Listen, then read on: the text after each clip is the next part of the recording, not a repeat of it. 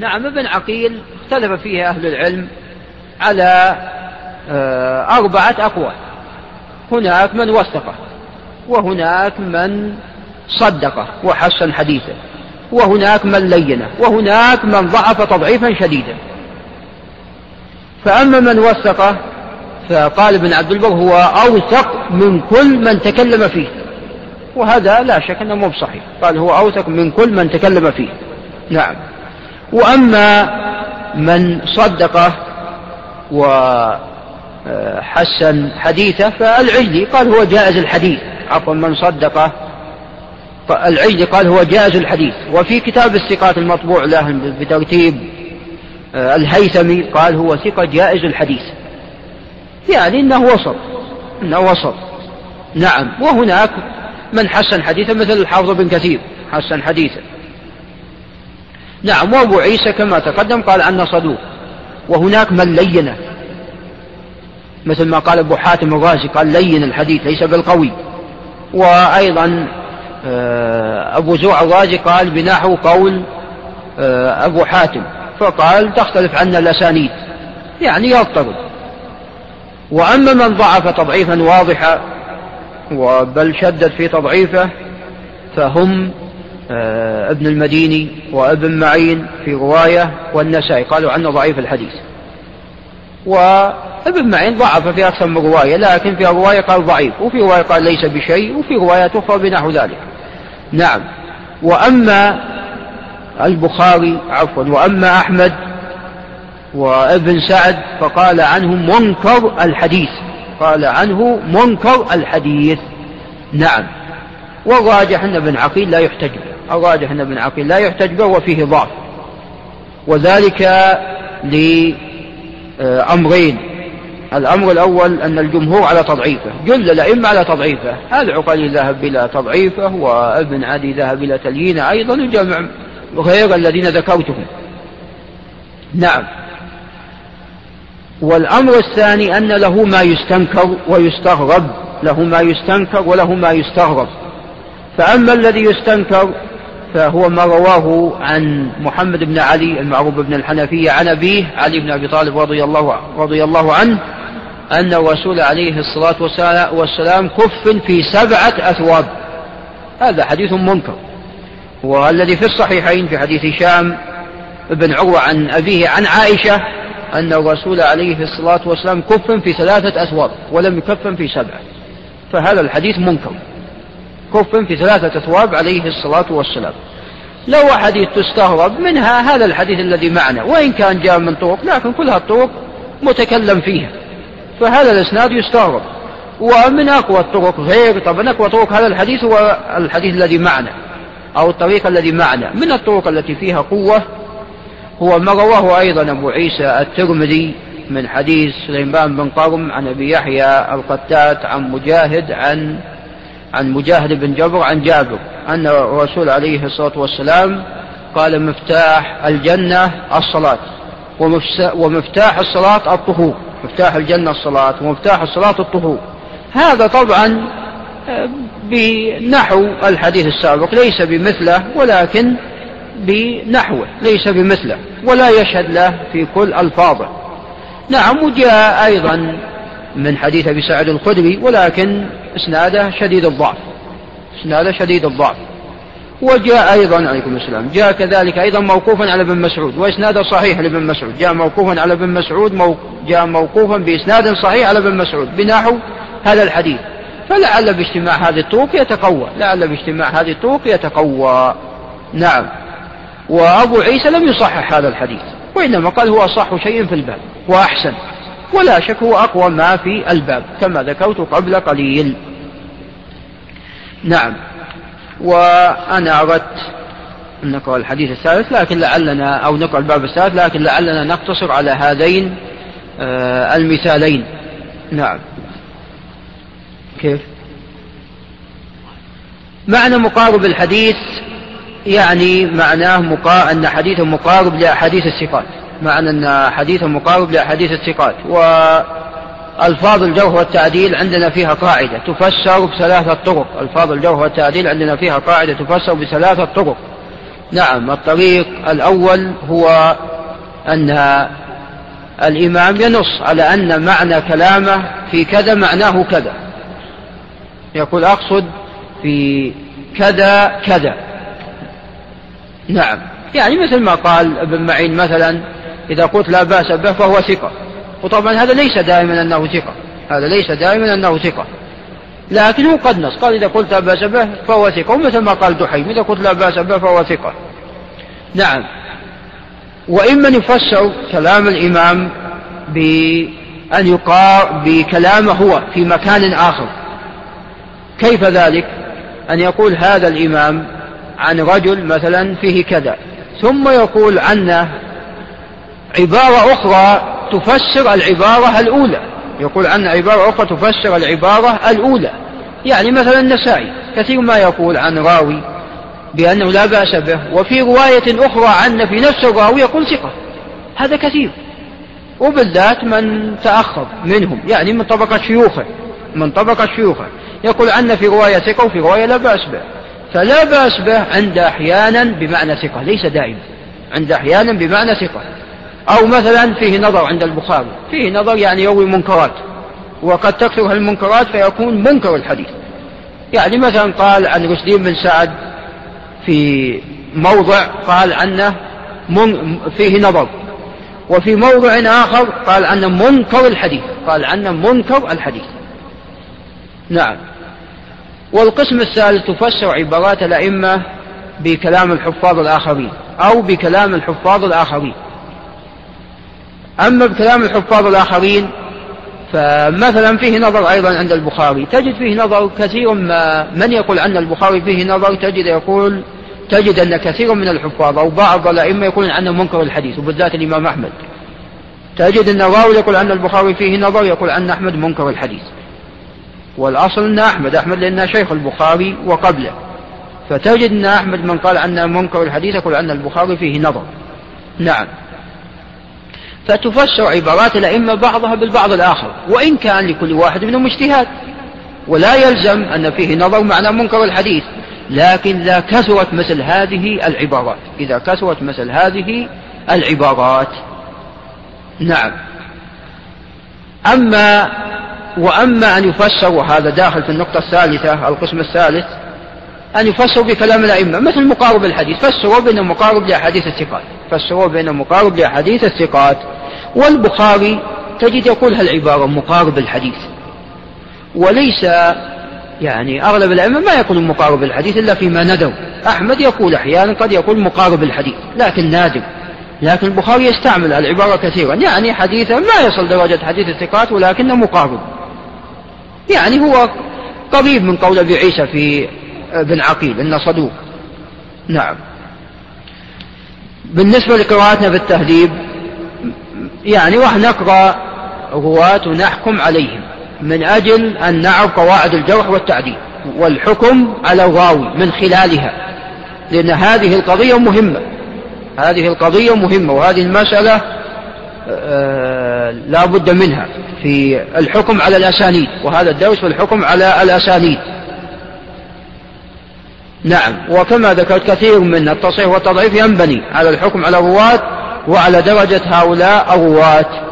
وكما ذكرت بالأمس قواعد الجرح والتعديل أنا ذكرتها في أكثر من مرة. والآن راح نذكر القواعد على حسب ما يمر علينا من الرواة والقواعد التي نحتاج إليها في الحكم على الراوي. فنقرأ بعض الأمثلة. ونفس أيضا كتاب العلم الكبير راح نقرأ فيه أيضا متسلسل وأيضا بالتهذيب في الأول راح نقرأ فيه متسلسل. نعم تفضل أبو داود. نعم. من أول شيء أي من الرواة طبعا ليس من مقدمة الحافظ رحمه الله لا وإنما من اسمه أحمد. 13 نعم. بسم الله الرحمن الرحيم الصلاة والسلام على رسول الله وعلى آله وأصحابه أجمعين أما بعد. قال الإمام ابن حجر رحمه الله تعالى في كتابه تهذيب التهذيب. حرف الألف. ذكر من اسمه أحمد. أحمد بن إبراهيم بن خالد أبو علي الموصلي الموصلي. الموصلي عفى الله عنك الموصلي نزيل بغداد. روى عن محمد بن ثابت العبدي وفرج بن فضالة وحماد بن زيد وعبد الله بن جعفر المديني ويزيد بن زريع وأبي عوانة وإبراهيم بن سعد وغيرهم. روى عنه أبو داود حديثا واحدا وروى ابن ماجة في التفسير عن ابن أبي الدنيا عنه وأبو زرعة الرازي ومحمد بن عبد الله الحضرمي وموسى بن هارون وأبو يعلى الموصل الموصلي, الموصلي وأبو القاسم البغوي وآخرون. وكتب عنه أحمد بن حنبل ويحيى بن معين وقال لا بأس به. وقال صاحب تاريخ وقال وقال. وقال ليس أنت كأنك مديت أن لا. وقال لا بأس به. يعني الكلام ليحيى بن معين هذا الظاهر نعم. وقال لا بأس به. وقال صاحب تاريخ الموصل كان ظاهر الصلاح والفضل. قال موسى بن هارون مات ليلة السبت لثمان مضينا من ربيع الأول سنة ست وثلاثين ومائتين قلت وذكره ابن حبان في الثقات وقال إبراهيم بن الجنيد عن ابن معين ثقة صدوق. نعم أحسنت. بالنسبة للرواة كما ذكرت بالأمس هم على ثلاثة أقسام. إما قسم متفق على على ثقته أو على صدقه وإما قسم متفق على ضعفه وإما قسم مختلف فيه. فبالذات المختلف فيهم هم الذين يحتاج إلى معرفة قواعد الجرح والتعديل حتى يحكم عليهم. نعم. فبالنسبة لأحمد بن إبراهيم بن خالد أبو علي, أبو علي الموصلي أولا فيما يتعلق بمن روى عنه وبشيوخه. آه، بالنسبة لشيوخ الذين رووا الذين روى هو عنهم هذا له دخل في الحكم على الراوي كيف ذلك؟ كلما كثر شيوخ التلميذ أو الراوي هذا يدل على أنه طلب الحديث أو طلب العلم واشتهر بالعلم. وكلما قل الشيوخ الذين روى عنهم كلما دل هذا على أنه لم يشتهر بالعلم ولم يطلب الحديث. فإذا وجدنا راوي له شيخ واحد هذا غالبا أن فيه جهالة. هذا غالبا أن فيه جهالة. فكثرة شيوخ الراوي هذا له دخل في الحكم على الراوي. فاشتهاره هذا في الأصل يدل على قوته والجهالة تكون بعيدة عنه. نعم قد يكون روى عن جمع ولكنه ضعيف. نعم لكن أيضا لا يكون مجهول. في هذه الحالة من يكون ثقة ومن يكون ضعيف. فكثرة شيوخه هذا يدل على اشتهاره بالعلم. التلاميذ الذين هو روى عنهم هذا له دخل أيضا في الحكم عليه. إن كان بعض هؤلاء التلاميذ الذين رووا عنه عفوا التلاميذ الذين هم رووا عنه هذا له دخل في الحكم عليه. إن كان هؤلاء ممن لا إلا عن ثقة فهذا له دخل في الحكم على الراوي. وهؤلاء الرواة ممكن أن ينقسمون إلى أربعة أقسام. قسم أن يكونون من الصحابة. يعني مثل مروان بن الحكم روى عن بعض الصحابة. هذا يدل على قوته. هذا يدل على قوته. هذا يدل على قوته. هذا قسم.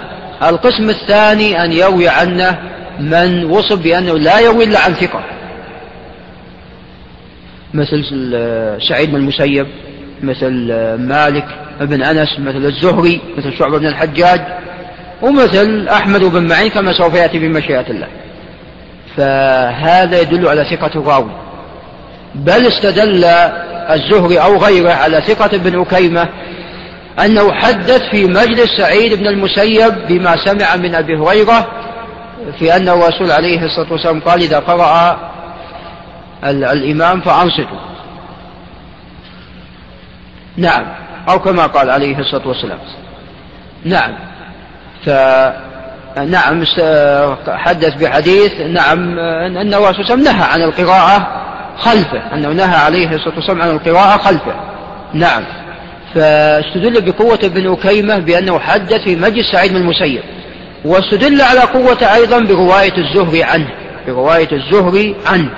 وهذا يستفاد من عنده بالذات إذا لم يتكلم في الراوي أما إذا كان راوي ضعيف لو حتى روى عنا مالك أو فلان وفلان هذا ما ينفع كثيرا. مثل عبد الكريم بن المخارق ضعيف. روى عنا الإمام مالك ولكنه ضعيف. ضعفه الأئمة ضعفه واضح. نعم. هذا القسم الثاني أن يكون الراوي عنا معه بأنه لا يروي عن ثقة. القسم الثالث أن يكون إمام مشهور وقد يروي عن بعض الضعفاء. مثل رواية سفيان الثوري عن الراوي. هذا أيضا فيه قوة لهذا الراوي. هذا فيه قوة لهذا الراوي. هذا فيه قوة لهذا الراوي. مثال على هذا كما قال آه، ابن خزيمة عن أحد الرواة قال يعني كنت أميل إلى تضعيفه وعندما رأيت شعبة والثور يرويان عنه فذهبت إلى تقويته بسبب رواية شعبة والثور عنه. القسم الرابع أن يروي عن الرواة إما ثقات ولكنهم معروفين بالاكثار عن الرواية عن الضعفاء مثل مروان بن معاوية الفزاري ومثل بقية من الوليد أو رواة ضعفاء فهذا لا ينفع راوي كثيرا هذا لا ينفع راوي كثيرا. نعم. فأقول أن هذا الراوي عندنا قد روى عنا أحمد ويحيى بن معين. كتب عنا أحمد ويحيى بن معين. فكتابة الإمام أحمد عن راوي ويحيى بن معين في الأصل هذا تقوية لهذا الراوي. في الأصل هذا تقوية لهذا الراوي. نعم فهذه قاعدة تتعلق بالجرح والتعديل. وقال ابن معين عنا ليس به بأس. وليس به بأس عند ابن معين قد تساوي ثقة كما ذكر هو. وفي كثير من المرات أن المقصود لا بأس به يعني وسط أنه وسط نعم وقال صاحب تاريخ الموصل كان ظاهر الصلاح والفضل. هذا ثناء على عبادته هذا ثناء على عبادته. عفوا ثناء على فضله واستقامته ثناء على فضله واستقامته. وذكر ابن حبان في الثقات. نعم وهنا قول وهنا ذكر ابن حبان له في الثقات هذا يدل أيضا على قوته. وتوثيق ابن حبان له هنا معتبر. لماذا توثيق ابن حبان له هنا معتبر؟ لأن هذا راوي معروف. وإنما يخشى من توثيق ابن حبان أنه وثق المجهول. إذا كان الراوي غير معروف وهذا الراوي كما ذكرت معروف من خلال من روى عنه. فهذا يدل أيضا على قوة ماذا؟ على قوة هذا الراوي وهنا توثيق ابن حبان معتبر. وتوثيق ابن حبان فيه تفصيل وليس دائما غير معتبر لا وإنما فيه تفصيل. وابن حبان من كبار أئمة الجرح والتعديل. نعم. وقال ابن الجديد عن ابن معين أنه ثقة صدوق. وهذا يؤيد أن ابن معين عندما قال لا بأس به قد يعني يعني بأنه ثقة. إذا هذا الراوي هو ثقة. إذا هذا الراوي ثقة بل هو ثقة فاضل. لماذا؟ لأن أيضا يعني لما ذكرت من رواية بعض الأئمة الذين لا يرون عن ثقة ومنهم طبعا ما ذكرت منهم أبو زرع الرازي موصوف بأنه لا إلا عن ثقة وروى عنا بعض كبار الأئمة منهم ابن ماجه وأيضا أبو يعلى الموصلي صاحب آه، المسند ومحمد بن عبد الله الحضرمي المعروف بمطين وهو من الحفاظ ومنهم أبو القاسم البغوي وهو من الحفاظ ومنهم أيضا بالدنيا وهو من الحفاظ فهذا كله يدل على شهرة هذا الراوي وقوته.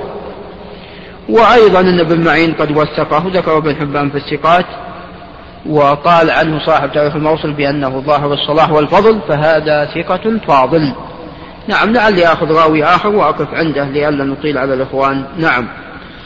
أحمد بن إبراهيم بن فيل الأسدي أبو الحسن البالسي نزيل أنطاكية والد القاضي أبي طاهر روى عن أحمد بن أبي شعيب الحراني وأبي جعفر النفيلي وأبي النضر الفراديسي ودحيم وأبي مصعب الزهري في آخرين وسمع أبا توبة وعنه النسائي ثلاثة أحاديث من حديث مالك وأبو عوانة الإسفرايني وأبو سعيد بن الأعرابي وخيثمة بن سليمان وأبو القاسم الطبراني وآخرون.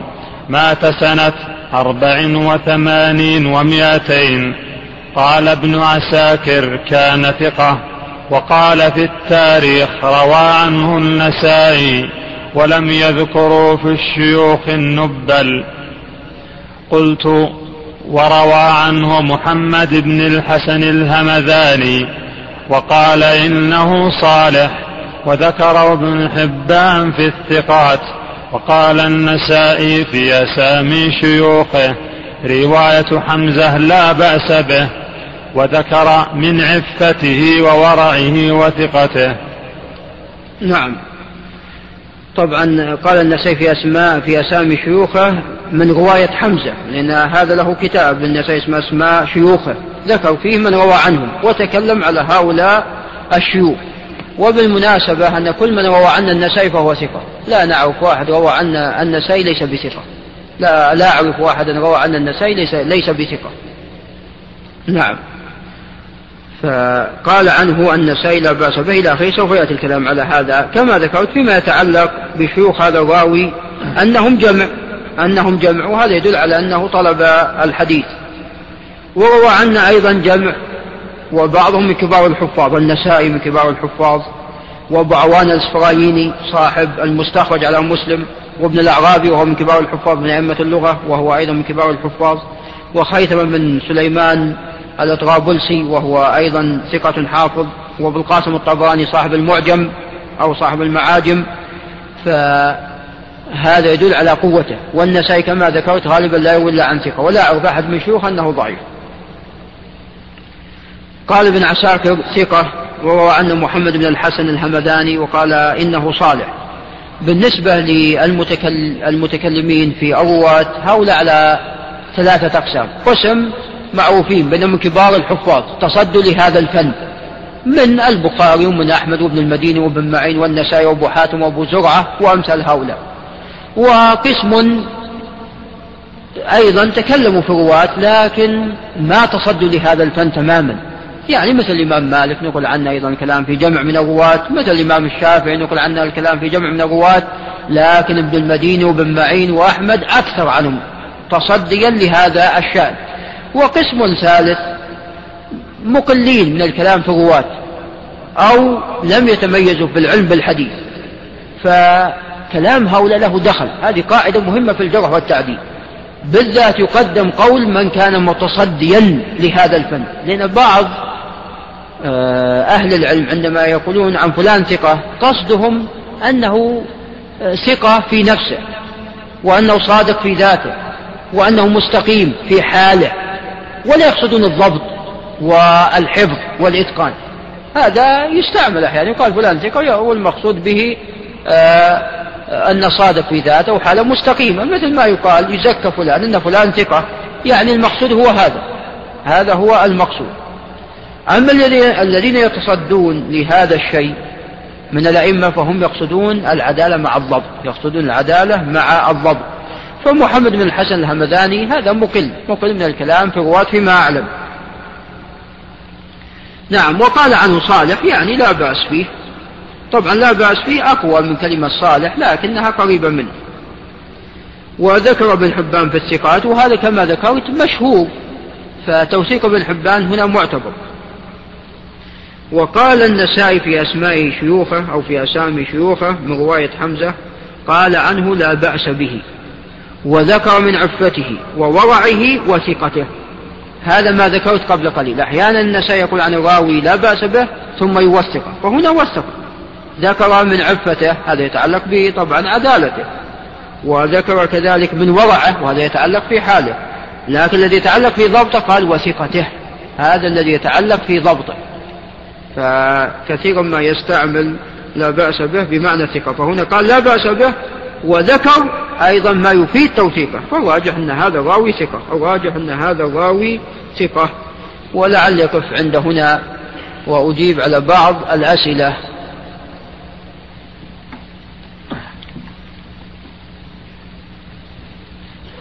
هذا سائل يسأل يا ابن آدم عش ما شئت فإنك ميت واحبب من شئت فإنك مفارقة. هذا حديث ضعيف ولا يصح.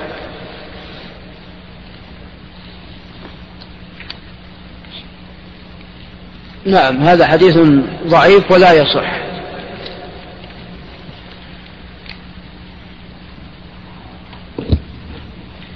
هذا يسأل عن رفع اليدين بعد الفريضة. رفع اليدين بالدعاء بعد الفريضة. الأصل عدم رفع اليدين بعد الفريضة هذا هو الأصل. وقد ذهب بعض أهل العلم لأن هذا بدعة المداومة على ذلك.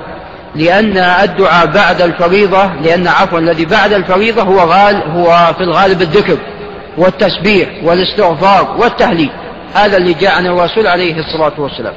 وجاء عنا في صحيح مسلم من حديث البراء بن عازب أنه كان يقول اللهم قني عذابك يوم تبعث عبادك. ولم ينقل الصحابة أنه رفع يديه في هذه الحالة. أما بعد النافلة فلا بأس برفع اليدين. وبالنسبة لحالة اليدين. مع الدعاء هناك ثلاث حالات. الحالة الأولى أن يكون دعاء بدون رفع اليدين.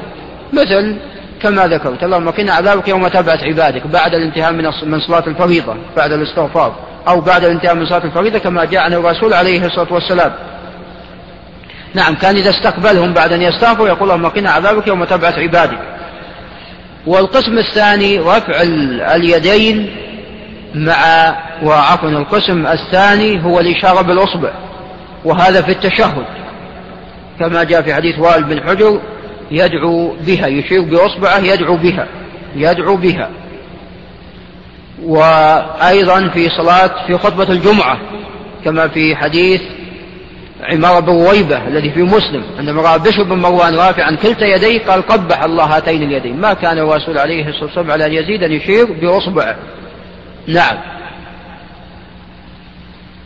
القسم الثالث هو أن يدعو الإنسان هكذا يفتح كفيه ويستقبل بهما وجهه أو يجعلهما تلقاء وجهه. هذا هو الغالب عليه عليه الصلاة والسلام في الدعاء. القسم الرابع ذكر ثلاثة أقسام بل أربعة. القسم الرابع هو أن يبالغ في رفع اليدين حتى يرى بياض إبطيه مثل ما فعل عليه الصلاة والسلام في الاستسقاء فعل هكذا. فجعل بطون الكفين إلى الأسفل وظهورهما إلى الأعلى. نعم. ومثل أيضا عليه الصلاة والسلام في ليلة بدر. عندما أخذ يرفع يديه ويبالغ في رفع اليدين حتى سقط الرداء من آه، كتفيه عليه الصلاة والسلام. فهذا يكون عند الاستسقاء وعند الابتهال وشدة التضوع فاليدين لهم أربع حالات في الدعاء. ودي يا الأخوان ودي اسمه ودي إن لأن في أسئلة ولا نترك الأسئلة المكتوبة. لأن الأخوان اللي كاتبين الأسئلة ودنا يعني آه، نجيب على بعض الأسئلة.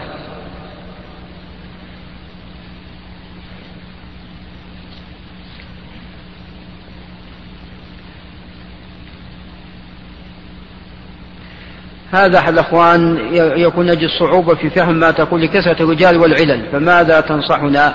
والله يا أخوان يعني الأخوان يبغون الكلام في الأسانيد ولا بد من الكلام في الأسانيد لا بد من ذكر الرجال والعلل لا بد ولا إذا كنا لا نذكر الرجال ولا العلل إذا ما راح نتكلم في الأسانيد إذا كنا ما راح نذكر الرجال ولا العلل إذا ما راح نتكلم في الأسانيد فهذا درس متخصص في الرجال والأسانيد والعلل. وهذا الحديث الحديث كله أسانيد ورجال هذا الحديث.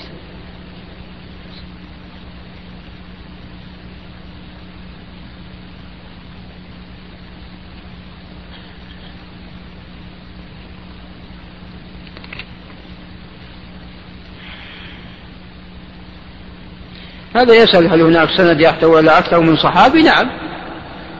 تجد أن ابن عمر كثيرا ما يروي عن أبيه عمر و أو عفوا أحيانا يروي عن أبي عمر وتجد ابن عباس مثلا يروي عن عمر وتجد مثلا عبد الله تجد عفوا عن بعض الصحابة يروي عن أبي بكر الصديق وهكذا. وأحيانا يعني قد يوجد أربعة أحاديث أكثر ما وجد في حديث أربعة صحابة. وهناك رسائل لطيفة في الرباعي في الحديث يعني في أربعة صحابة.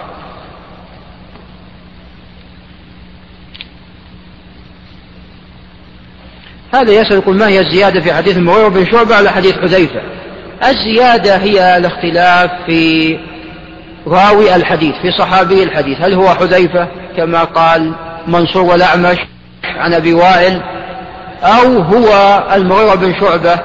فيكون حديث آخر لأن حديث شعبة لأن عفوا حديث منصور والأعمش لا شك أنه صحيح.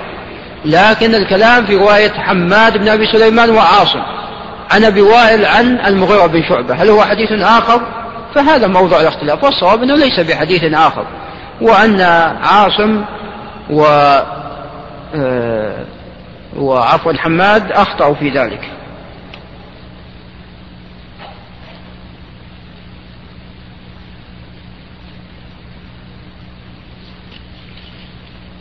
هذا أحد الأخوان يسأل عن كتاب المحرر لابن عبد الهادي في كتاب المحرر للمجد بن تيمية وهذا متن متن فقهي في فقه الحنابلة. وله وعليه حاشية لابن مفلح وهي حاشية نفيسة مطبوعة. وفي كتاب المحرر لابن عبد الهادي شمس الدين محمد بن أحمد. والسائل يسأل عن هذا كتاب المحرر في الحديث الذي هو في أحاديث الأحكام. وهو كتاب قيم جدا ذكر فيه آه، أحاديث الأحكام التي غالبا يستدل آه، بها على الأحكام. ونقل آه، كلام الحفاظ أو بعض كلام الحفاظ على الأحاديث وهو تكلم على بعض الأحاديث وتكلم على بعض الرواة وهو كتاب قيم هو كتاب قيم. وكتاب الحافظ بن حجر شبيه بهذا الكتاب وكتاب بن عبد الهادي أسبق منه. وكتاب بن عبد الهادي وكتاب ابن حجر يشبهان كتاب ابن دقيق العيد كتاب أهل الإمام في أحاديث الأحكام وقد سبقهم.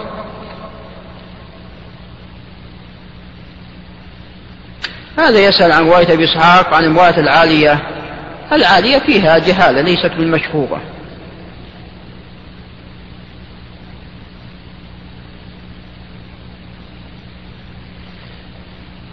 هذا يسأل هل التزم أصحاب الكتب الستة بالصحة؟ الشيخان التزم بالصحة وأما الباقون فلم يلتزموا بالصحة. طبعا النسائي كما ذكرت هو أصح كتب السنن أغلب ما فيه صحيح. والحديث التي ضعفها الأحاديث المعللة بينها. نعم هناك حديث فيها ضعف سكت عليها النسائي لكن الغالب عليه هو الصحة هذا هو الغالب عليه.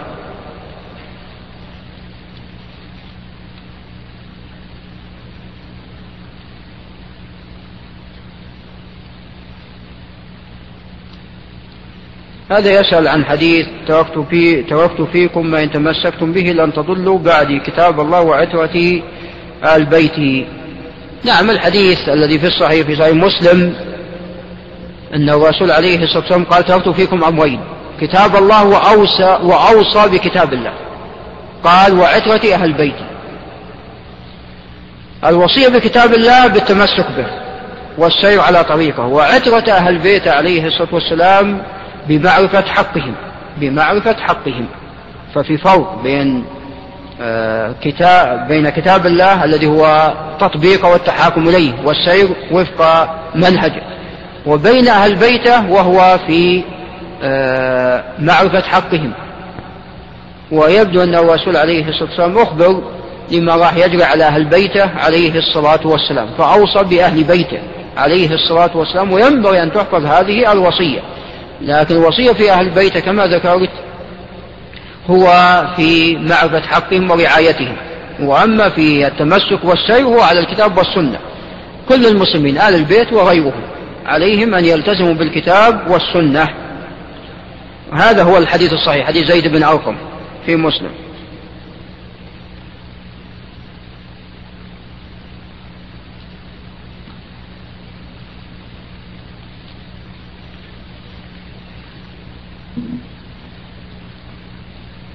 هذا يسأل بعض الأخوان؟ يقول عفوا بعض الأخوان يسأل يقول يسأل عن دعاء اللهم رب هذه الدعوة التامة بعد الأذان والإقامة.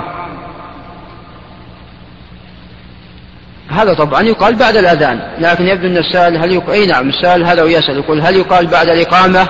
هذا فيه خلاف بين أهل العلم. هناك من يرى أنه يقال بعد الإقامة أيضا ويستدل بقول الرسول عليه الصلاة والسلام الذي في البخاري بين كل أذانين صلاة. فقال الإقامة الإقامة سماها أذان إذا يقال بعدها والقول الآخر لا يقال بعد الإقامة. وتسميته بالأذان من باب التغليب لأن الرسول عليه الصلاة والسلام لم يذكر أنه قال شيء بعد الإقامة. وهذا هو الأقرب. هذا هو الأقرب.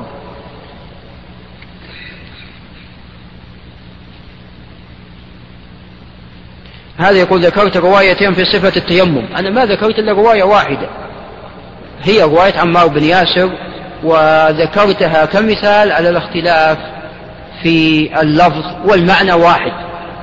والمعنى واحد ولا هي رواية واحدة. ولعل السائل يقصد آه، ما جاء في بعض الروايات من التيمم ضربتين والتيمم إلى المناكب والآباط نعم. أو المرافق. طبعا لا يصح. الصحيح هو تيمم ضربة واحدة للوجه والكفين. هذا هو الذي صح. في حديث عمار بن ياسر وحديث أبي الجهيم وكلاهما في البخاري.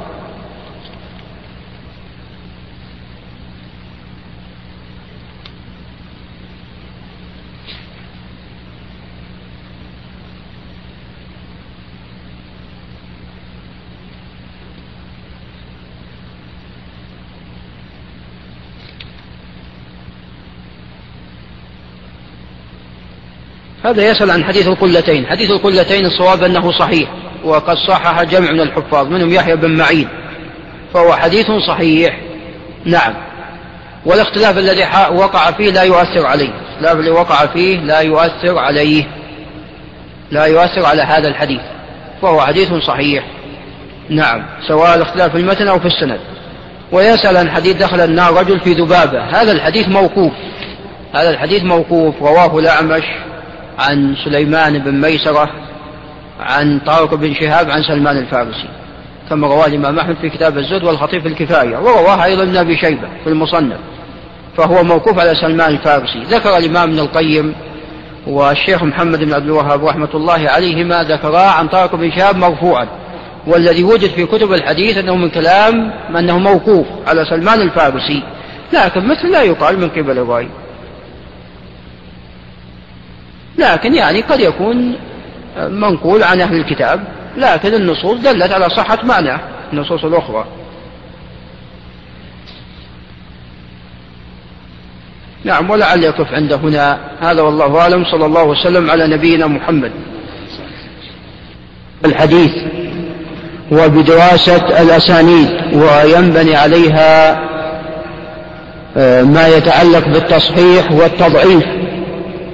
وهو فيما يتعلق بالتدليس. التدليس أمره مهم وشأنه كبير وينبني عليه تصحيح الحديث أو تضعيفه ينبني على قضية التدليس. نعم. وقد تكلم أهل العلم بالحديث على هذه القضية وأفاضوا الكلام فيها. فأقول وبالله التوفيق أن التدليس مأخوذ من الدلس وهو اختلاط الظلمة بالنهار. وسمي آه، تدليسا لأن فيه إخفاء للعيب. فمن ذلك إخفاء عيب السلعة ومن ذلك أيضا إخفاء العيب الذي يكون في الإسناد. نعم. فالتدليس مأخوذ من الدلس الذي هو اختلاط الظلمة بالنهار وهو إخفاء عيب السلعة. وسمي التدليس الذي يتعلق بالإسناد سمي تدليسا لأن فيه إخفاء للعيب الذي يكون في الإسناد. نعم. والتدليس صوره كثيرة وأنواعه عديدة ولا يمكن آه، تعريف التدليس عموما إلا من خلال ذكر إلا من خلال ذكر هذه الأنواع وهذه الصور. نعم. فأقول أن من التدليس تدليس الإسناد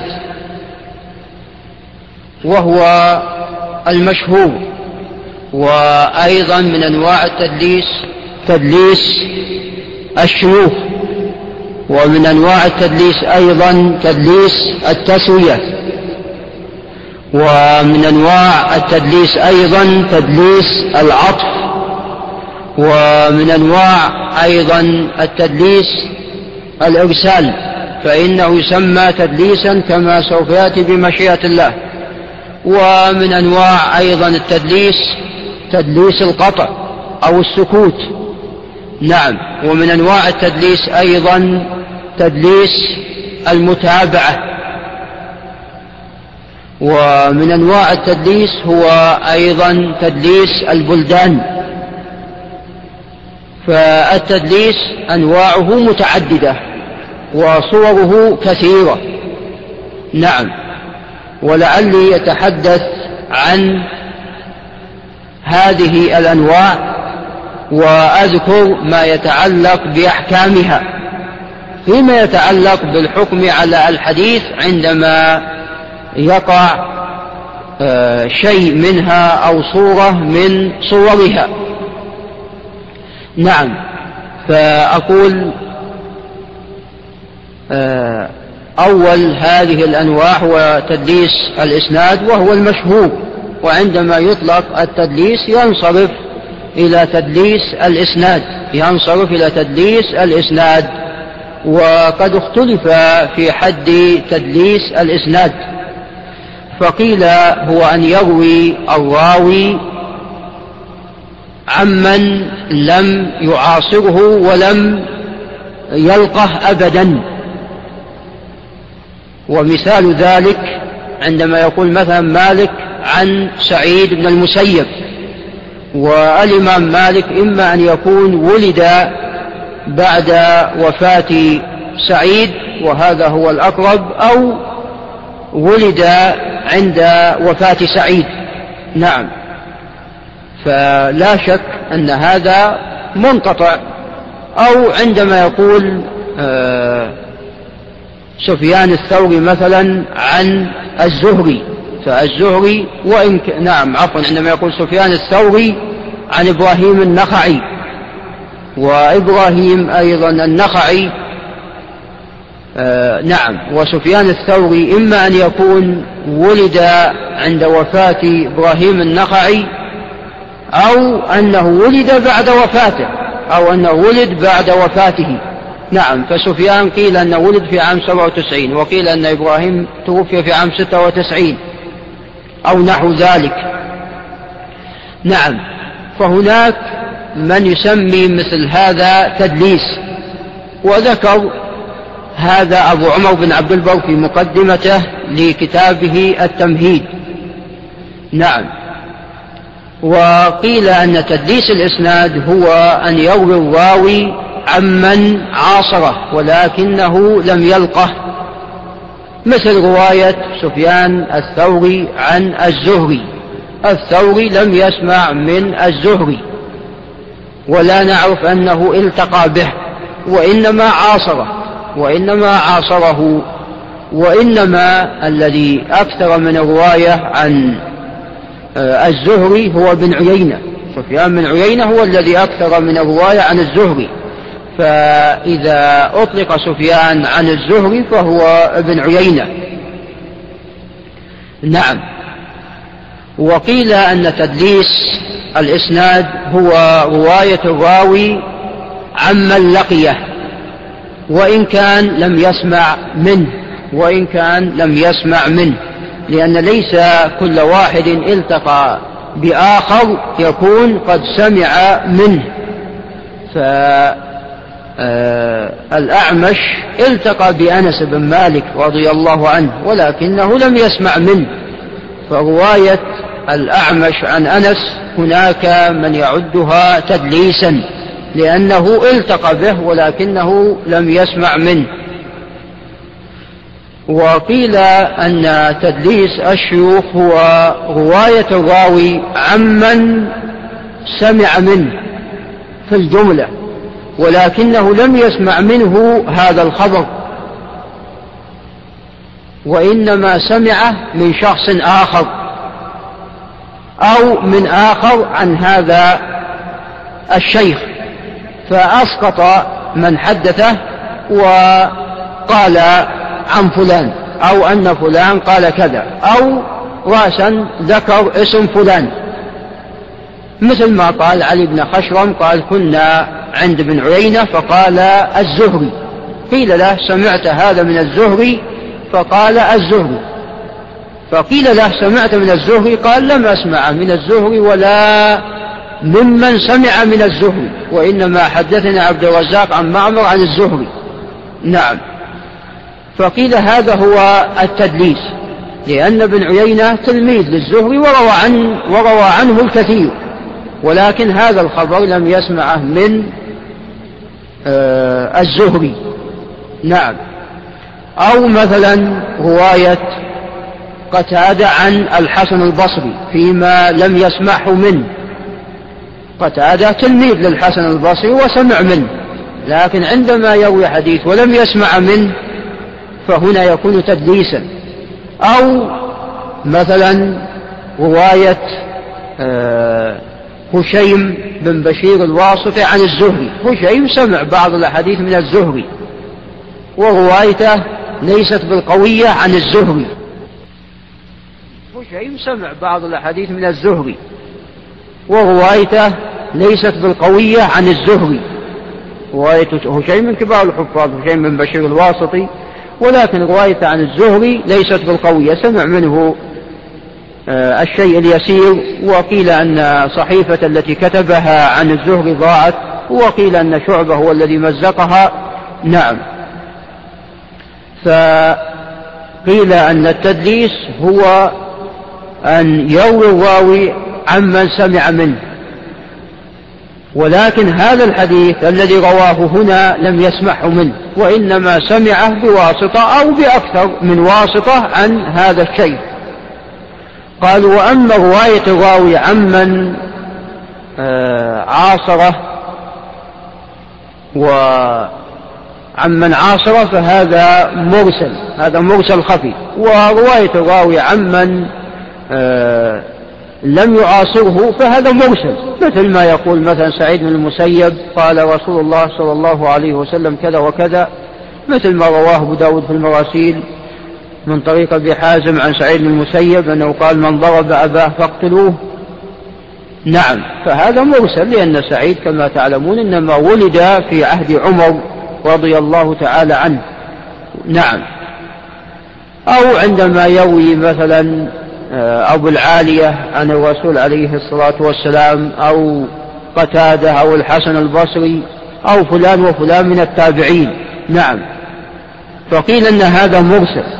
وإذا كان عمن عاصره فهذا مرسل خفي ولا يسمى تدليس. نعم. وفي الحقيقة أن هناك من الحفاظ ممن سمى هذا تدليسا.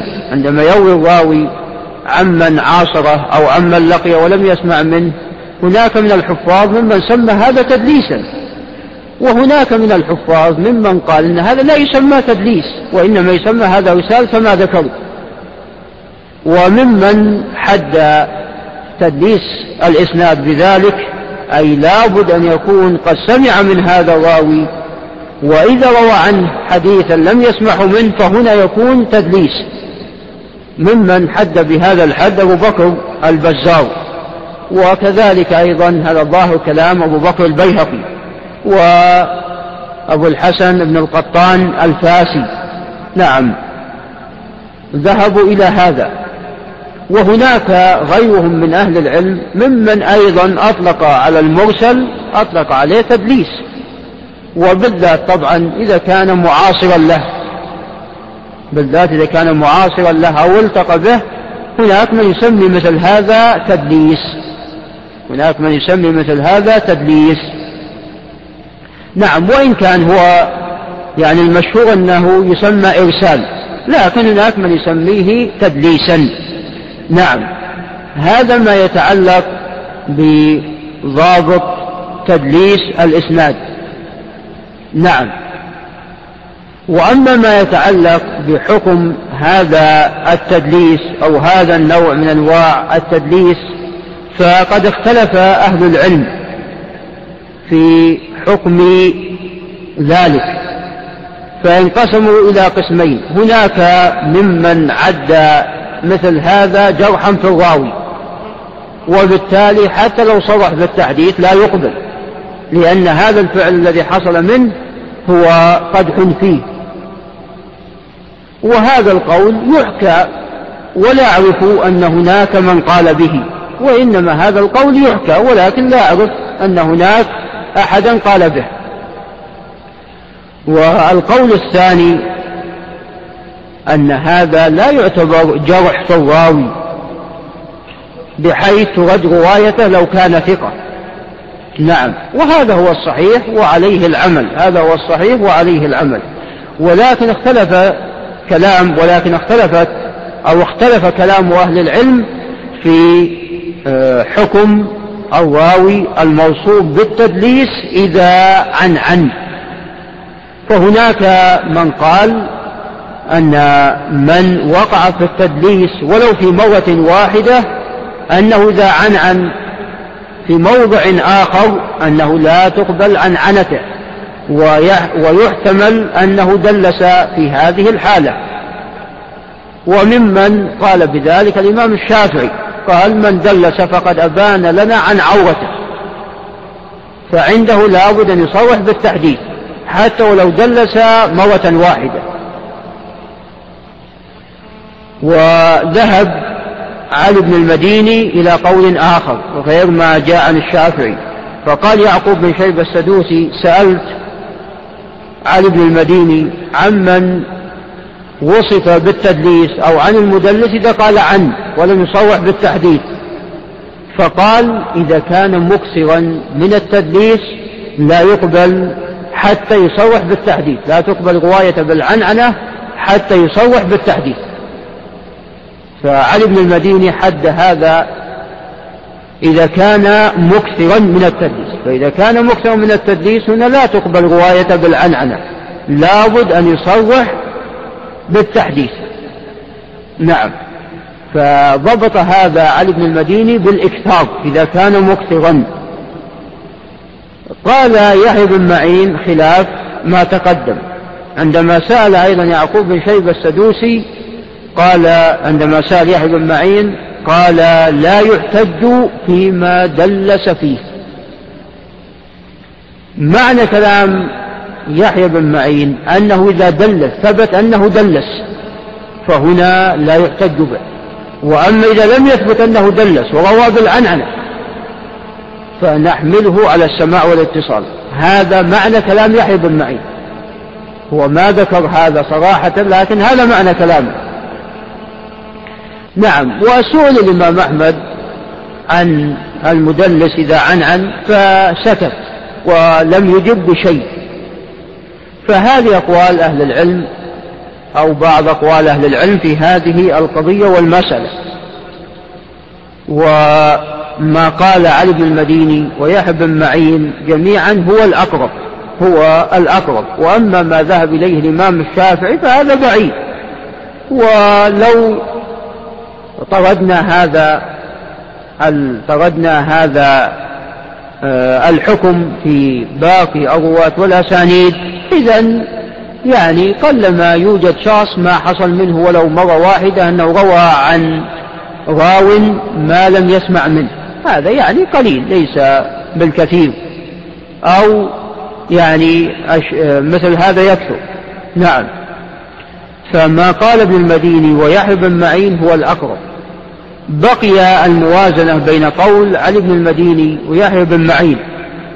وفي الحقيقة أن هناك تفصيل في هذه القضية.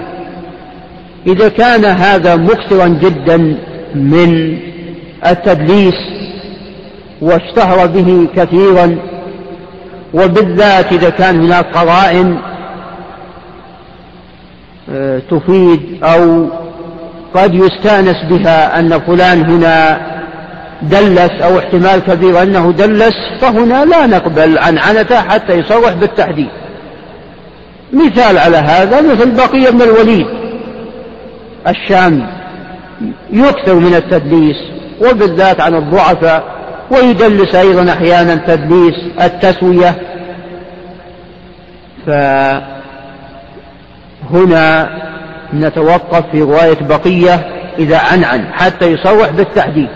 وبالذات إذا كان هناك قرائن تؤيد أنه دلس أو, أو هناك احتمال أنه دلس.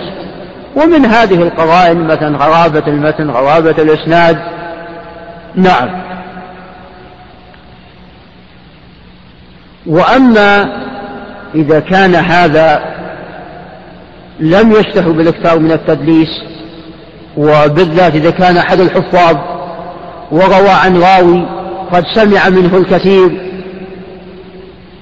ف وعنعن عنه في رواية من الروايات والمتن مستقيم ولم يخالف أحد.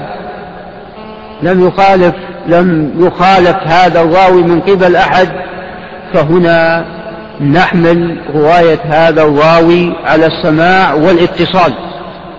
نحمل رواية هذا الراوي على السماع والإتصال. وهذا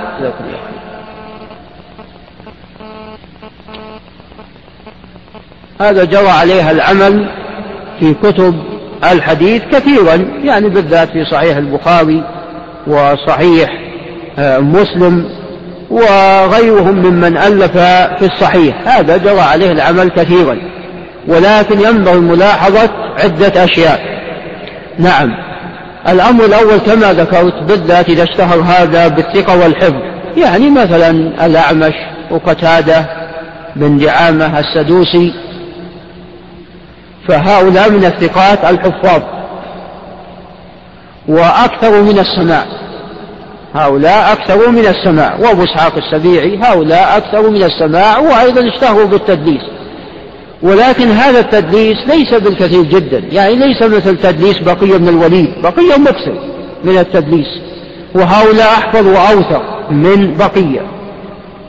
فهذا الأمر الثاني. الأمر الأول أن يشتهر هؤلاء بالثقة والحفظ. والأمر الثاني أن آه، لا يكثر من التدليس وإن كان قد اشتهروا به. يعني مثل كما قلت قتادة والأعمش وأبو إسحاق اشتهروا بالتدليس. ولكن ما كانوا مكثرين منه جدا مثلا كإكثار بقية. فالغالب عليهم هو السماع. وهم قد أكثروا من السماع. الأمر الثالث أنه إذا جمعنا ينبغي علينا أن نجمع طرق الحديث. نعم. عفوا. الأمر الثالث هو أن يرووا عمن قد آه، اشتهروا بالرواية عنه وبالسماع منه. يعني مثلا رواية قتادة عن أنس ومثلا آه، رواية أبو إسحاق السبيعي عن أصحاب عبد الله بن مسعود أو مثلا رواية أبو إسحاق السبيعي عن البراء بن عازب من الصحابة. نعم فمعه أبو إسحاق السبيعي برواية عن البراء بن عازب. نعم. أو مثلا رواية الأعمش عن إبراهيم النخعي فإنه معروف بالإكثار من الرواية عن إبراهيم النخعي.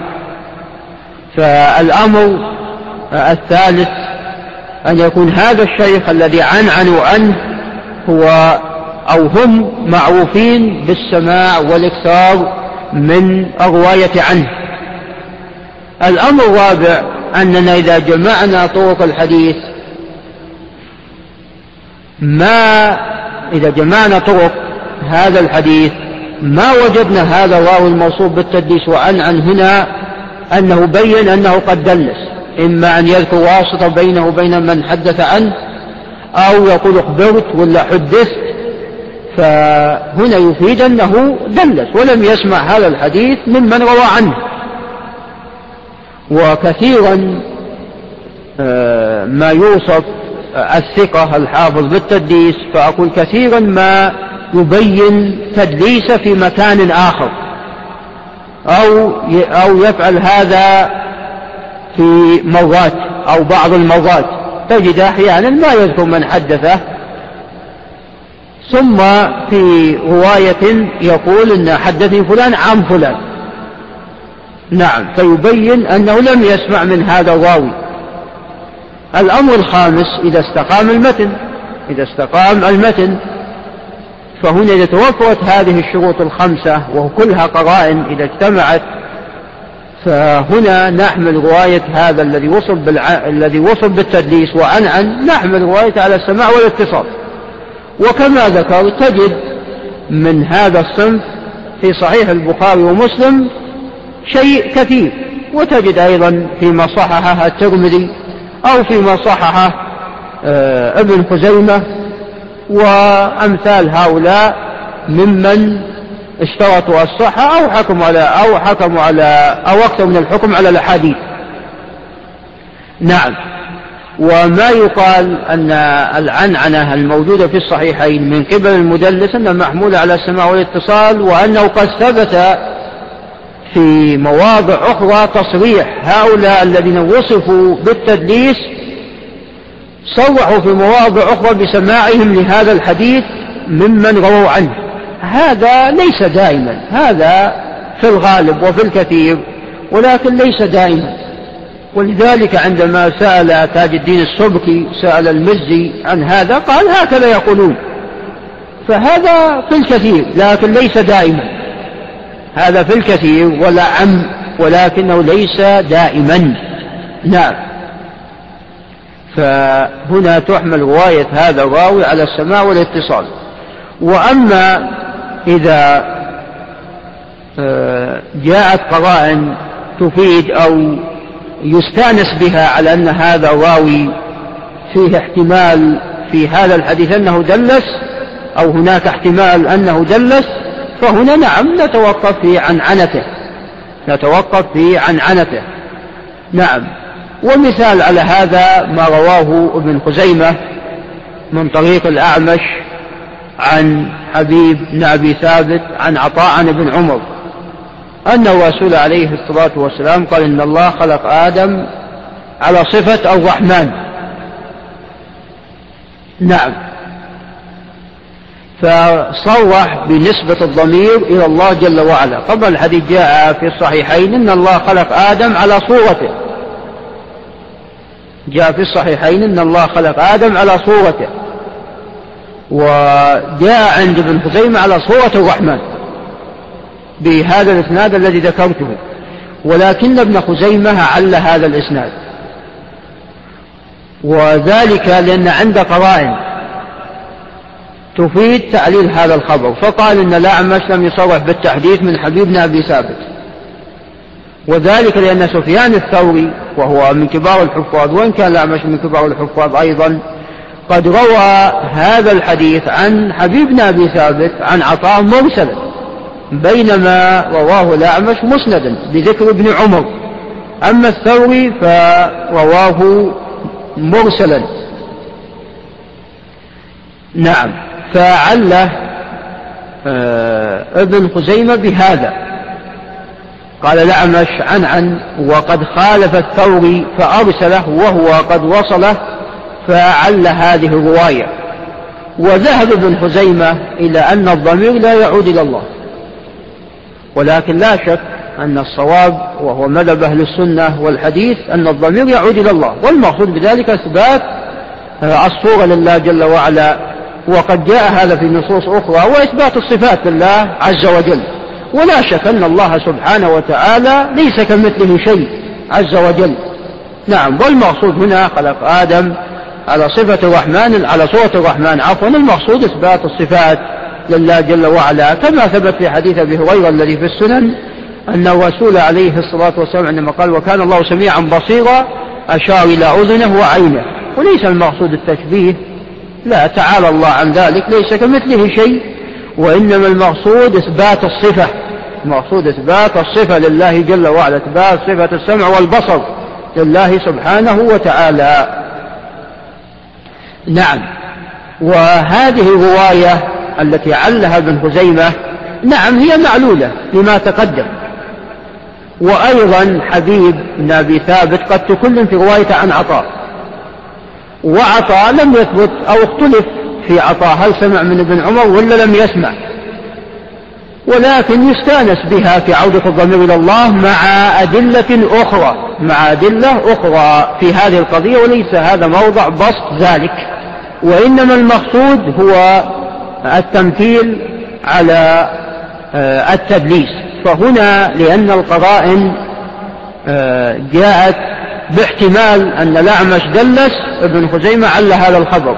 بينما تجد في طول صحيح ابن خزيمة وعرضة تجد حديث الأعمش بالعنعنة.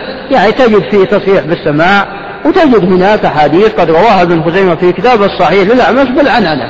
وأيضا الحفاظ غيره هناك ممن أيضا يفعل هذا الشيء. نعم.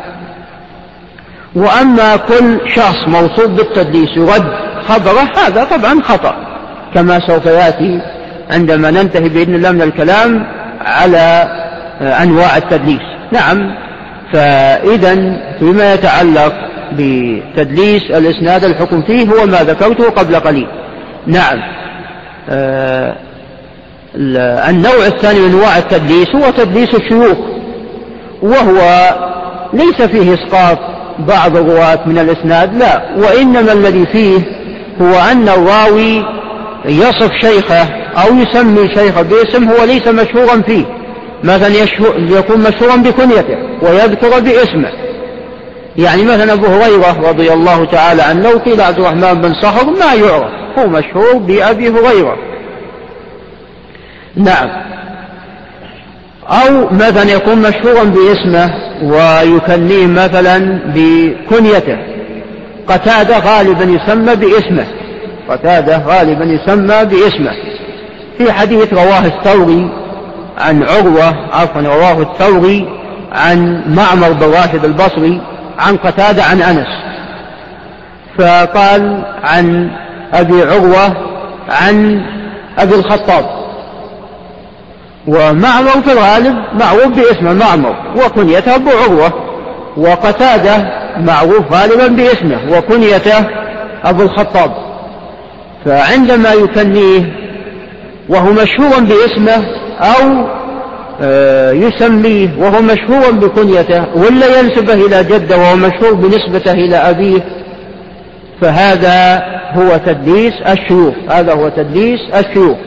يعني مثلا ابن تيمية دائما يقال ابن تيمية أو بالعباس بن تيمية. لو قال واحد قال أحمد بن عبد الحليم. قد ما يعرف. وهذا اسمه. لكن هو مشهورا بكنيته. عفوا مشهورا نعم بأبي العباس وبالذات مشهور بنسبته إلى جدته تيمية. نعم. أو مثلا قبل ذلك لو قيل قال عبد الله بن عثمان كذا وكذا. ويعني بذلك أبو بكر الصديق رضي الله عنه. اسمه عبد الله بن عثمان. كثير من الناس ما يعرف أن اسمه عبد الله بن عثمان. يعرف أن اسمه أبو بكر الصديق مشهور بكنيته رضي الله تعالى عنه. فإذا قيل عبد الله بن عثمان يقال من عبد الله بن عثمان؟ نعم. فهذا هو تدليس الشيوخ. هو أن الراوي ما يبين اسم شيخه. وهذا يكون الحامل عليه أغراض يعني عدة أغراض. إما يريد يعني كأن يوهم بأنه مكثر من الشيوخ شيخ واحد يسميه بعدة أسماء أو يكون هذا ضعيف فيريد أن لا يبين اسمه.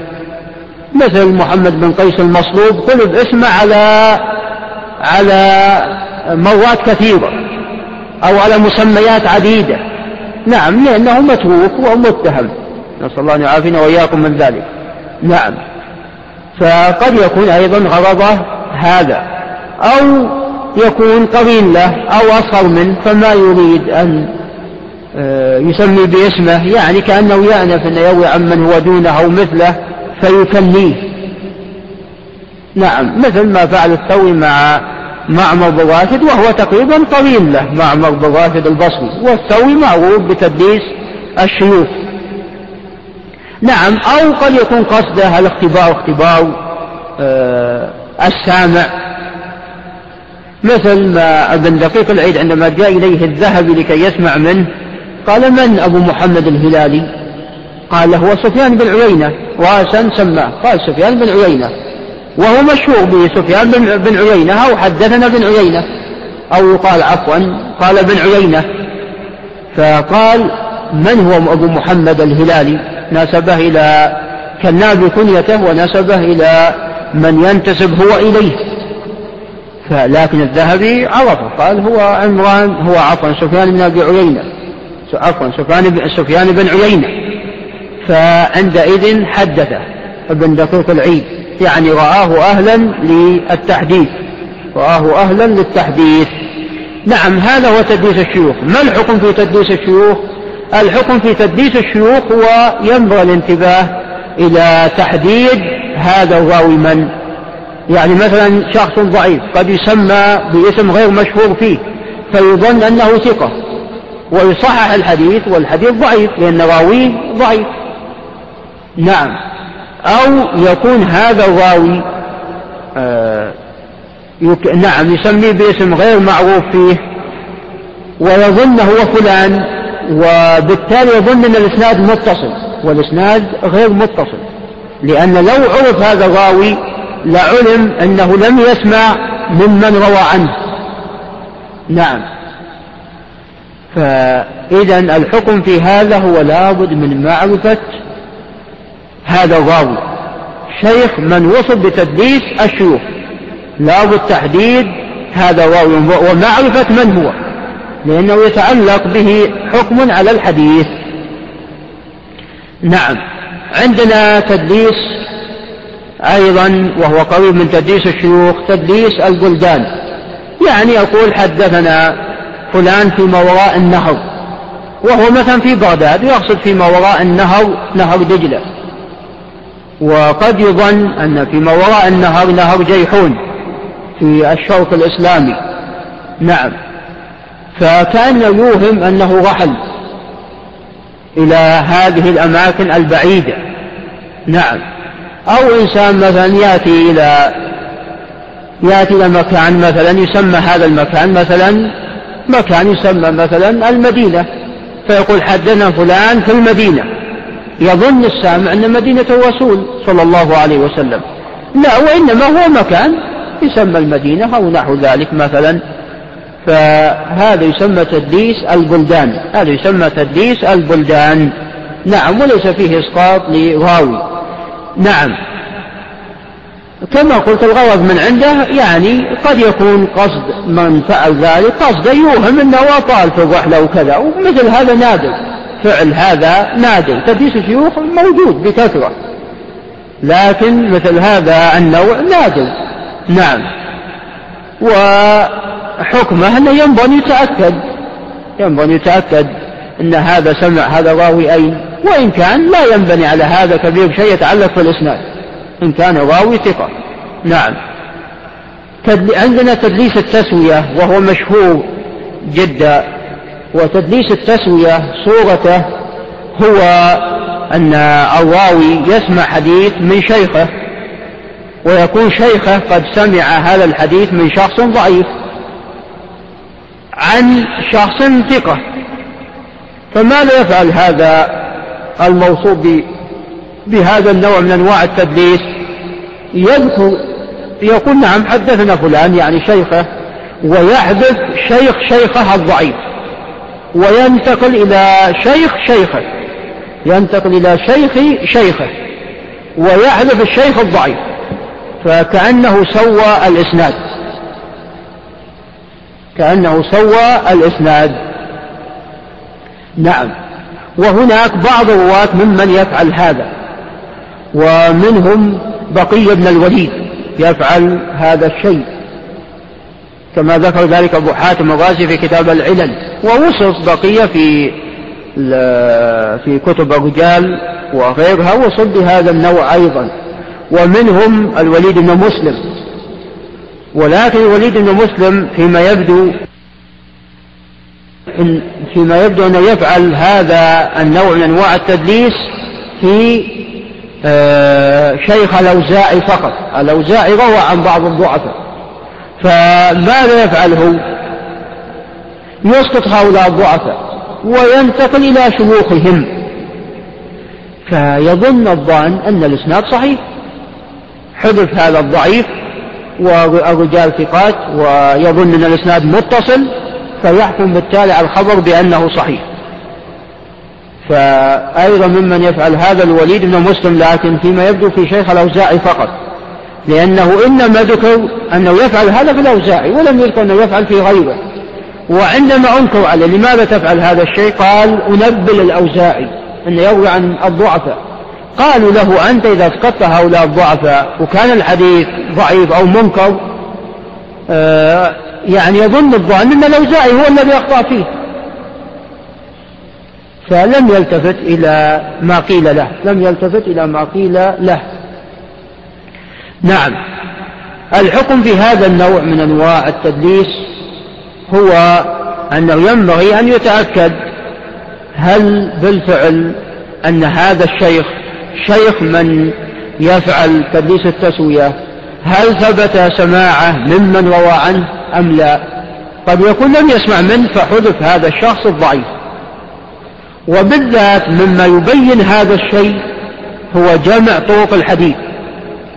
فمثلا عندما رواه شيء من بشير الواسطي عن يحيى بن سعيد الأنصاري عن الزهري عن عبد الله بن محمد بن علي المعروف بن الحنفية عن أبيه الذي هو محمد بن علي المعروف بن الحنفية. طبعا عبد الله ابن محمد المعروف بن الحنفية. محمد هو المعروف بن الحنفية. عبد الله بن محمد عن أبيه عن أبيه. والمقصود بأبي محمد هو علي بن أبي طالب رضي الله عنه. في تحريم لحوم الحمر الأهلية. نعم. كيف؟ هنا طبعا هشيم دلس تدليس التسوية. كيف عرفنا ذلك؟ عندما جمعنا عندما جمعنا طرق الحديث فوجدنا أن حماد بن زيد وغيره روى هذا الحديث عن يحيى بن سعيد الأنصاري عن مالك بن أنس عن الزهري عن عبد الله بن محمد بن علي عن أبيه عن أبيه علي رضي الله تعالى عنه. فهشيم رواه عن يحيى بن سعيد الأنصاري عن الزهري ويحيى بن سعيد سمع من الزهري وقرين له فيظن الظن أنه متصل من رواية هشيم لكن عندما جمعنا طرق الحديث وجدنا لا أن ما بين يحيى بن سعيد الأنصاري وما بين الزهري راوي وهو مالك بن أنس. نعم. فيتبين هذا النوع بجمع طرق الحديث بجمع طرق الحديث. ولا يلزم أن بقية أو الوليد بن مسلم يفعلون هذا كثيرا يفعلون هذا أحيانا.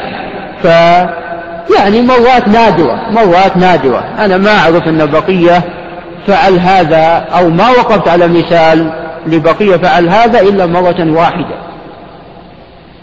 نعم قد يكون أنا لا أنفي أنه فعل أكثر من هذا لكن هذا قليل لكن هذا قليل. فما ينبغي يعني رأسا رد الخبر ويقال إن فلان قد يكون سوى الخبر. لا ينبغي أن يكون هناك قرائن يعني خاصة إذا وجدنا أن جمعنا طرق الحديث ووجدنا هناك واسطة أو مثلا آه، قد خولف راوي هذا الحديث فهنا يحتمل أن هذا راوي دلس تدليس التسوية وهكذا. نعم. آه هذا نعم ما يتعلق بشيء من تدليس التسوية. طبعا آه هناك ممن يفعل هذا النوع أحيانا وليس قصد تدليس التسوية وإنما قصد شيء آخر. الإمام مالك روى مثلا عن ثور بن زيد عن عكرمة عفوا ثور بن زيد روى عن عكرمة عن ابن عباس. الإمام مالك عندما روى هذا الخبر عن ثور بن زيد أسقط عكرمة وفعل هذا في غير هذا الحديث. وذكر ابن حجر في النكت عدة أمثلة على هذا. فالإمام مالك فعل هذا تعمدا لأنه لا يرتضي عكرمة أو من حذف غير عكرمة لا يرتضيه أيضا. فتعمد حذف ذلك. فأحيانا الإنسان يكون قصده أن يسوي الخبر وأحيانا لا. إنما لا يرتضي إنما لا يرتضي هذا الراوي فحذف هذا الراوي من الإسناد. وإن كان الأولى ذكره وإن كان لا يريد أن يروي عنه ما يحدث بهذا الحديث. نعم. ولكن الإمام مالك قد فعل هذا في أكثر من مرة. نعم فالإمام مالك ما قصده التسوية وإنما هو لا يرضى بهذا الراوي فلذلك حذفه نعم. فبعض أهل العلم آه، حد تديس التسوية قال بإسقاط الضعيف. هو أن يروي الراوي عن شيخه فيسقط شيخ شيخه الضعيف وينتقل إلى الذي بعده. لا. وإنما أحيانا قد يفعل هذا مع غير الضعيف. كما ذكرت في فعل هشيم أسقط الإمام مالك والإمام مالك من الثقات الحفاظ الأئمة كما هو معلوم. نعم. هذا هو تدليس التسوية. عندنا أيضا آه، تدليس آه، المتابعة. وأنا يعني ذكرت سميت تدليس المتابعة وهو قد لا يسمى بتدليس المتابعة. هذا النوع من أنواع التدليس المتابعة هو أن يروي الراوي عن راويين أو أكثر وتكون رواية هذا الراوي طبعا يكون سمع من كليهما لكن بين رواية شيخه الأول وشيخ الثاني اختلاف إما في المتن أو في الإسناد ولا يبين هذا الاختلاف لا يبين هذا الاختلاف. مثال على هذا جرير بن حازم روى عن أبي إسحاق السبيعي عن عاصم بن ضمرة والحارث الأعور كلاهما عن علي في زكاة الذهب مرفوعا الحديث مرفوعا إلى الرسول صلى الله عليه وسلم. هكذا رواه جرير بن حازم عن أبي إسحاق السبيعي عن عاصم بن ضمر والحارث كلاهما عن علي أن الرسول عليه الصلاة والسلام ذكروا أن في عشرين مثقال مثقال في زكاة الذهب. نعم. روى هذا الحديث نعم أو نحو ما ذكرت. روى هذا الحديث آه، سفيان الثوري عن أبي إسحاق السبيعي عن عاصم بن ضمرة عن علي موقوفا عليه هذا الخبر. وأما رواية الحارث فهي المرفوعة فقط. فهي المرفوعة فقط. هي المرفوعة بينما في الرواية السابقة ما هناك تمييز كلاهما يعني يظن الظان أن رواية رواية عاصم بن ضمرة ورواية الحارث كلاهما مرفوعة. بينما لا. الرواية المرفوعة هي التي جاءت من حديث الحارث والحارث ضعيف. والرواية الموقوفة هي التي جاءت من حديث عاصم بن ضمرة وعاصم بن ضمرة على القول الراجح أنه جيد الحديث فإذا الصواب في هذا الخبر أنه موقوف وليس بمرفوع الصواب أن هذا الخبر موقوف وليس بمرفوع نعم وإن كان مثل لا يقال من قبل الرأي نعم لا أدري هل هو جرير بن حازم اللي روى عن أبي إسحاق السبيعي أو ابن عيينة. أنا بعيد العهد بهذا المثال وشكيت الآن. ما أدري واحد منهما. المهم في رواية عن أبي إسحاق السبيعي لهذا الخبر أنه جمع بين رواية عاصم ورواية الحارث كلاهما عن علي مرفوعة. بينما عند التفصيل لا رواية عاصم عن علي موقوفة ورواية الحارث عن علي مرفوعة. وهذا له دخل في الحكم على الحديث. إذا الصواب في هذا الحديث الوقت له رفع نعم. نعم. ومثال المتن مثلا ما رواه الزهري عن عبيد الله بن عبد الله بن عتبة بن مسعود وعن آه، عروة بن الزبير وعن غيرهم روى عنهم حديث الإفك روى عنهم حديث الإفك. وقال دخل حديث بعضهم في البعض الآخر. قال دخل حديث بعضهم في البعض الآخر. طبعا هذا الحديث صحيح. وهذا الفعل من الزهري مقبول لأن الزهري إمام. ويميز الروايات. لكن لو كان واحد غيره ليس بالقوي أو له بعض الأوهام هذا قد لا يقبل منه مثل ما تكلم في حماد بن سلمة على جلالته. إذا جمع رواية أكثر من راوي من شيوخه ولم يبين رواية هذا الشيخ عن الآخر. حماد لا شك إمام لكن ليس بالمتقن تماما على تفصيل في حديثه. فأحيانا قد يكون بين الروايات اختلاف وهو ما يبين. مثل عطاء بن السائب أحيانا يجمع أكثر من راوي من شيوخه. وقد تكلم فيه في هذه الناحية مثل ابن إسحاق. أيضا أحيانا يجمع رواية أكثر من واحد من شيوخه ولا يبين. وتكلم أيضا في ابن إسحاق من هذه الناحية.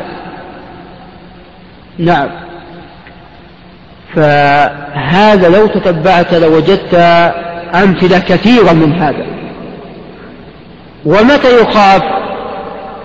في هذا الشيء أو متى يخشى من ضعف الخبر أو إعلال الخبر إذا كان أحد الشيخين ضعيف.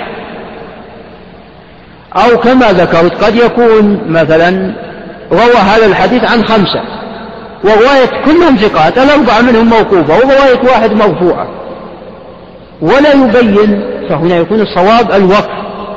أو كما ذكرت إذا روى عن شيخين ضعيفين إذا روى عفوا عن شيخين أحدهما ثقة والآخر ضعيف. وقد يكون هذا اللفظ للضعيف وليس لفظ الثقة. ولفظ الثقة يختلف عن لفظ هذا الضعيف. فيكون الحديث معلول يكون الحديث معلول فلو تتبعت وجدت أمثلة كثيرة على هذا النوع فينبغي الانتباه لهذا النوع. وهذا ترى قد يكون أدق من تدليس التسوية.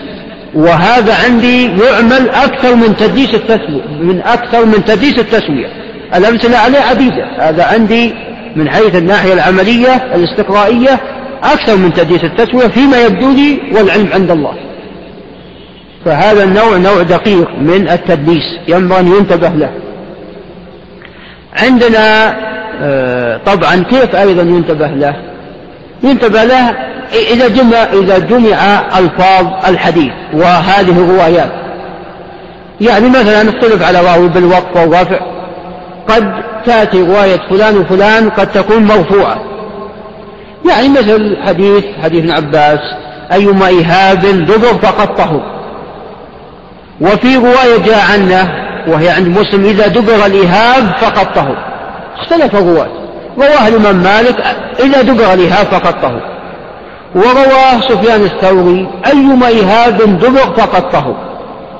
وروى بعضهم هكذا وروى بعضهم هكذا. بعض الرواة روى هذا الحديث مثلا عن آه، من روى أيما إيهاب إذا دبر فقد طهر. روى عن راوي رواه بلفظ أيما إيهاب دبر فقد طهر. وروى عن آخر إذا دبر الإيهاب فقد طهر ولم يبين لفظ هذا من هذا. فحمل اللفظ الثاني على الأول. فرواه بلفظ أيما إيهاب دبر فقد طهر بينما الحديث لا. بينما عفوا رواية هذا إذا دبر الإيهاب وليس أيما إيهاب وأظن رواية وأظن الدراوردي اختلف عليه في هذه الناحية. مرة رواه عنا بلفظ أيما؟ ومرة رواه عنا بلفظ إذا؟ وأظن في بعض روايتيه أنها مقرونة رواية آخر. فأحيانا الراوي ما يبين أو ما ينتبه. يحمل رواية هذا على هذا بينما بينهم فرق في رواية هذا عن ذاك. وهذا له دخل. ينبني عليه حكم في الحديث لأنه معروف خلاف أهل العلم. هل كل إهاب إذا دبر يترك حتى الحيوانات التي لا يحل أكلها؟ ولا بس الح... ولا فقط الحيوانات التي تؤكل؟ لأن لفظ أيما يفيد كل. ف... وإن كان أكثر من رواه رواه بلفظ أيما إيهاب. نعم فأقول هذا ينبني عليه حكم. عدم تحديد اللفظ ينبني عليه حكم. فكما ذكرت هذا كيف يعرف إذا جمعنا ألفاظ الروايات فإذا ثبت عن راوي مثلا رواه بلفظ إذا دبغ الإهاب ومرة جاء عنه مقرونا بغيره أيما إهاب هنا يحتمل أن هذه رواية آه، أن هذه رواية بلفظ أيما إنما هي رواية الأول دون الثاني. بدليل أن هذا الثاني جاء عنا في أكثر من رواية إذا دبر وليس أيما. فجمع الروايات من خلالها يتبين. نعم. وكذلك أيضا نعم. آه كذلك أيضا آه يكون هذا آه بتنصيص الحفاظ. يعني أحيانا قد ينصون على أن هذه رواية فلان أو فلان. ويميزون أحيانا بتنصيص الحفاظ وأحيانا يعني وهو الأكثر يكون بجمع ألفاظ الحديث ورواياته وطرقه حتى يتبين سواء كان هذا في المتن أو في الإسناد. ذكرت أحيانا قد يكون في الإسناد وأحيانا قد يكون في المتن. نعم عندنا نوع آخر وهو تدليس العطف وهو أن يقول الراوي حدثنا فلان وفلان ويكون سمع من الأول دون الثاني. وذكر الحاكم في كتاب معرفة علوم الحديث ذكر أن هشيم كان يفعل ذلك أو فعل هذا في مجلس من المجالس فقال عندما أقبل عليه بعض طلابه يريدون السماع منه فقالوا فاتفقوا قبل أن يأتونه وعلم أو سمع كلامهم قبل أن يأتون أنهم أرادوا أن لا يدلس عليهم فيوقفون يسألون هل سمعت ولا لم تسمع فانتبه لهم فقال حدثنا حسين ومغيرة بكذا وكذا. حدثنا حسين ومغيرة بكذا وكذا. فبعد انتهى المجلس قال لهم هل دلست قالوا لا ما دلست لأنه صرح حدث فلان وفلان قال لا. أنا سمعت هذا من حسين دون مغيرة. سمعت هذا من حسين دون مغيرة بن مقسم الضبي. فهذا هو تدليس العطف لكن هذه القصة لم تثبت. هذه القصة لم تثبت. ما تبقى من مادة هذا الشريط تتابعونها في الشريط التالي. مع تحيات إخوانكم في تسجيلات الراية الإسلامية بالرياض والسلام عليكم ورحمة الله وبركاته.